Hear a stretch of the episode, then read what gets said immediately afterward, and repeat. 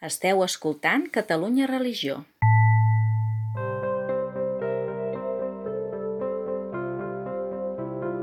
L'editorial Claret i Justícia i Pau publiquen des del mes de novembre una nova col·lecció conjunta, Oikos.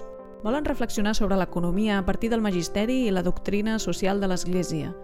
Eduard Ibáñez, que és advocat i professor de la Facultat de Filosofia de la Universitat Ramon Llull, ha escrit el llibre que obre aquesta col·lecció i que porta per títol L'economia de Francesc. Tot seguit, ell mateix ens en dona les claus de lectura.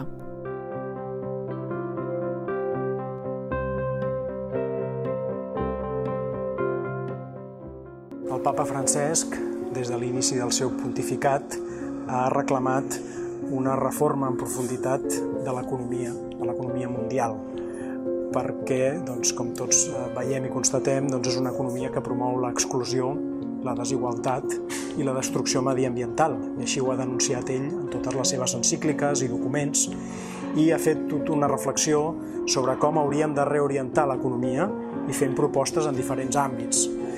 Justament acaba de promoure una xarxa d'economistes amb el nom d'Economia de Francesc, L'economia de Francesc seria una economia inspirada en l'Evangeli i en Sant Francesc d'Assís i seria l'economia que necessitem, una economia que realment sigui eh, promotora de la dignitat de les persones i del bé comú.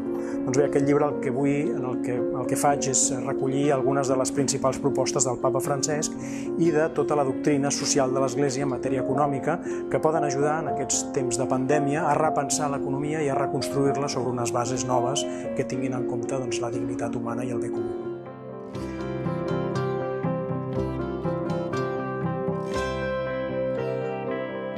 Catalunya Religió.